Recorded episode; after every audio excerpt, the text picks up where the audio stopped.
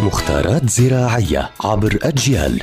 نتعرف في كل حلقة على سر من أسرار عالم الزراعة وفلاحة الأرض مع المهندس الزراعي مجدي عبد الله.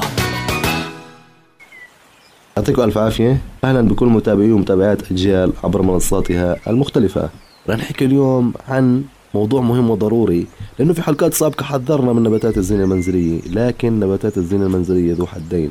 هي إلها فوائد إلها سلبيات فحذرنا ربات البيوت من إنه هاي النباتات سامة وأوراقها سامة.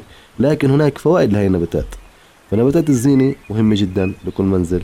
بما لها من فوائد تعود على الصحة وعلى النفس من أهم فوائد هاي النباتات. أولا تنقية الجو الداخلي. يعني الجو الداخلي عندي من الشوائب والغازات الموجودة في المنزل. تنقية المنزل من الفورمالديهايد والمقصود بالفورمالديهايد يعني المادة الناتجة عن الدهان. طبعا أي بيت في الدنيا بكون مدهون بطلاء عادي فالطلاء العادي أو الدهان بينتج مادة اسمها الفورمالديهايد.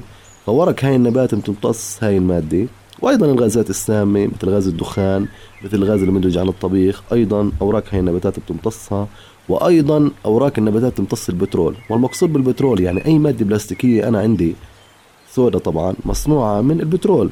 فهي فعليا بتصدر اشعاعات فهي النباتات وأوراق النباتات تمتص البترول. طبعا لا يلاحظ بالعين المجردة يعني انت ما راح تلاحظ إنه البخار طالع بس فعليا هي مواد سامة ونباتات الزينة كثير مهمة من أجل تنقية البيت من هاي المشاكل. يعطيكم ألف عافية.